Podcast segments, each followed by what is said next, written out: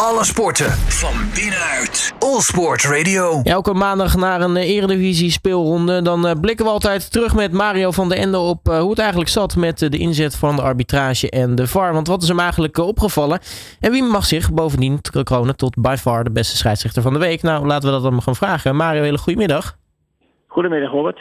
Ja, speelronde 31 inmiddels gespeeld. Wat, wat is jou opgevallen in het, in het weekend? Ja, toch weer uh, ja, hele wisselende prestaties uh, van de arbitrage. Uh, zowel van de scheidsrechters als de mensen achter de camera's in Zeist die als VAR actief waren. veel discussiepunten weer.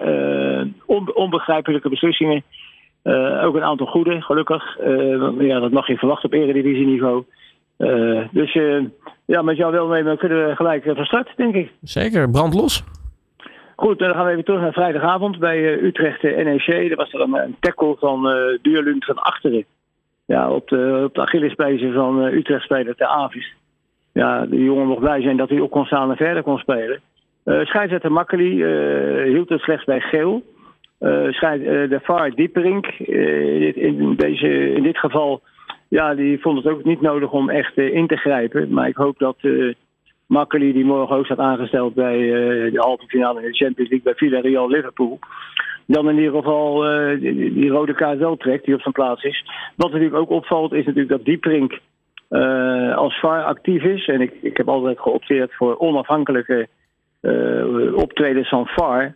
Maar hoe, hoe, onafhankelijk kun je zijn, Dieprink, als een dag later Makkeli als coach optreedt bij jouw wedstrijd van, van Ajax tegen Pek Zwolle? Dus uh, van onafhankelijke VAR is in dit, natuurlijk, uh, in dit geval natuurlijk geen sprake. En uh, ja, dat blijf ik zeer opmerkelijk vinden.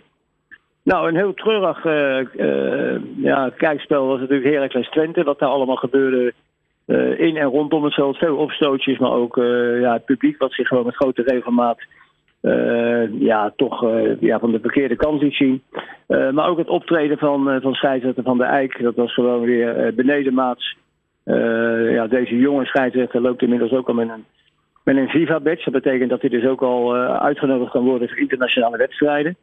Uh, ja, en als ik zie hoe hij hier acteerde op deze avond, ja, dat is niet eens eredivisiewaardig. Want er, waren, er was een rode kaart voor OAIM van, van Heracles na een brutale tackle op de kaart van zijn tegenstander.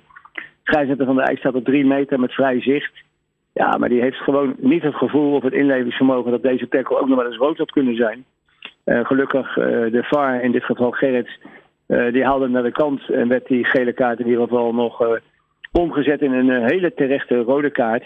En even later was er ook een situatie waarin Van Bolzinkel, de spits van FC Twente, de bal uit de handen trapte van, van Heracles doelman Bukker. En ehm, ja, uh, ook dat zag de scheidsrechter niet. En gelukkig uh, bewees de VAR hier uh, in dit geval zijn waarde. Waardoor in ieder geval het, het doelpunt terecht geannuleerd werd. Nou ja, goed. Je, ziet natuurlijk ook dat de VAR ja, gewoon hele duidelijke beelden tot zijn beschikking moet hebben. Nou ja, dat was bij de wedstrijd Sparta. Sparta tegen AZ totaal niet het geval. Dat was de 0-1 van Pavlidis. Eh, dat bleek ja, gewoon voor 99% buitenspel. Maar dat kon niet worden teruggedraaid. Omdat de cameraopstelling uh, dusdanig was dat de VAR in Zeist geen, uh, geen lijntjes kon trekken op dat moment. Ja, dan denk ik van... Uh, dan hebben we dus een, een miljoenenverschillend project.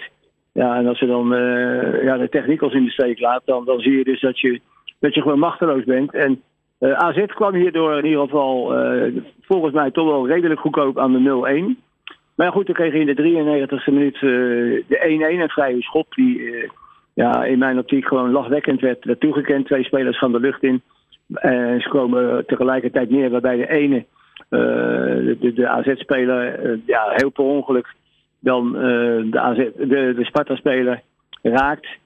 Nou ja, en dan, dan, dan zie je dus gewoon dat iedereen ja, toch van ongeloof, want de bal was wel weggespeeld. En dan zie je de scheidsrechter van de Graaf in ieder geval toch de situatie terugdraaien. En daar kwam ook nog uh, één, één en heel veel blijdschap bij de Spartanen. Maar als ze gewoon heel eerlijk zijn, dan zullen ze ook wel zeggen van, uh, dat dit wel een, een cadeautje van de scheidsrechter was. Nou, gisteren ook weer een zwaar beladen derby uh, in Friesland. Heerenveen Kambuur. daar floot de scheidsrechter Nijhuis, toch weer een beetje op zijn eigen manier.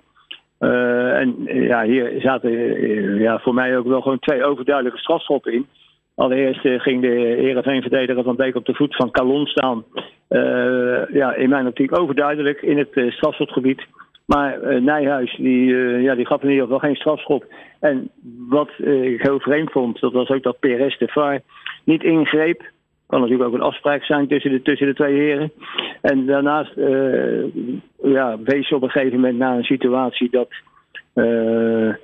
Calon, de aanvaller van, uh, de aanvaller van Cambuur, door Van Aken ja, heel opzichtig werd geraakt. En dat was een strafschop. Nijhuis die gaf resoluut een hoekschop aan. Maar werd gelukkig door de VAR wel naar de, naar de kant gehaald. En zag toen weer in dat hij een 100% strafschop gemist had. En wat mij ook opviel was in deze wedstrijd dat ver in de blessuretijd de 3-3 op het bord kwam.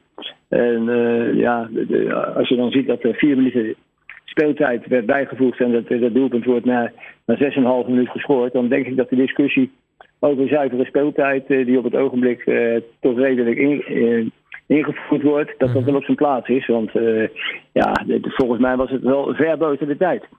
En dan hebben we een, ook weer nog een heel uh, veel besproken moment bij PSC Willem 2 gehad. Uh, binnen twee minuten stond het al 1-0 op het scorebord, omdat Doan uh, van, van PSV scoorde. Maar goed, daar vooraf gaan was het heel duidelijk buitenspel geweest van Vinicius. de bal ging daarna nog een paar keer rond. ja, goed, en toen, toen werd er gescoord. Nou ja, goed, Kamphuis. die kwam later ook nog met een, in mijn, in mijn een heel eigen verhaal over een tweede aanvalsfase en een nieuwe situatie. En dat, het, dat die buitenspel van Vinicius geen, ja, geen reden was om, om het doelpunt af te keuren. Ja, terwijl in de spelregel staat dat voorafgaand aan de situatie uh, en voorafgaand aan het doelpunt de situatie beoordeeld moet worden. Van de Graaf, in dit geval de VAR, houdt Krampers naar de, naar de kant. Nou, die hebben 3,5 minuten staan gaan discussiëren. Ja, en dat geeft in mijn optiek aan dat twee scheidsrechters totaal verschillend over zijn situatie denken. En dat er dan van uniformiteit geen sprake is. En ik denk dat ze in Zeist daar eens een keer keihard aan moeten, moeten gaan werken. Dat die scheidsrechters nu eens een keer heel duidelijk uh, met die spelregels aan de slag gaan. En, uh, en niet, als ze een spelregeltoets moeten maken, een 7 moeten halen, maar allemaal een 10 moeten halen. Dat iedereen in ieder geval zo uniform mogelijk beslagen ten ijs komt. Want, dit, dit kan natuurlijk niet. En ja, ik ben ook benieuwd wat. ik, heb nog niks, ik heb nog geen reactie van de KNVB in deze. Eh, gehoord of gelezen. Maar ik heb, ik heb toch het idee dat, uh, dat Kamphuis in ieder geval ja, totaal mis had met zijn, met zijn opvatting. En dat, ja, op dit niveau mag dat gewoon niet natuurlijk. Nou, dat waren denk ik de momenten die jij hebt meegenoteerd afgelopen weekend. Dan is het natuurlijk tijd voor de hamvragen, Mario. by far de beste scheidsrechter van de week. Wie is de beste scheidsrechter van het seizoen? Dat bekijken we eerst per week. Dit is by far de beste scheidsrechter van de week. Met Mario van de Ende. Ja, want Mario, vertel, wie is dat voor speelronde 31 geworden? Nou, dat, dat, uh, dat was weer de wedstrijd uh, Fortuna Feyenoord. Hij floot uh, Allard Lindhout. de laatste weken niet echt helemaal breed, maar gisteren floot hij gewoon een hele gedegen wedstrijd.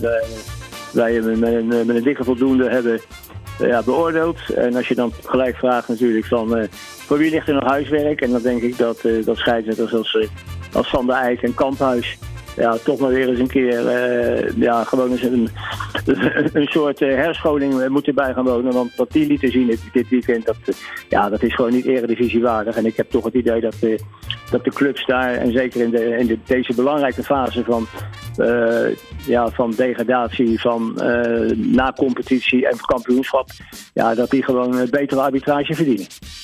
Nou, dan uh, zijn we weer helemaal op uh, de hoogte.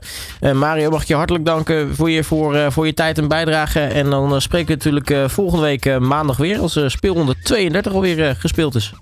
Dat doen we. Fijne uitzending verder, Robert. Dit is by far de beste scheidsrechter van de week. All Sports Radio.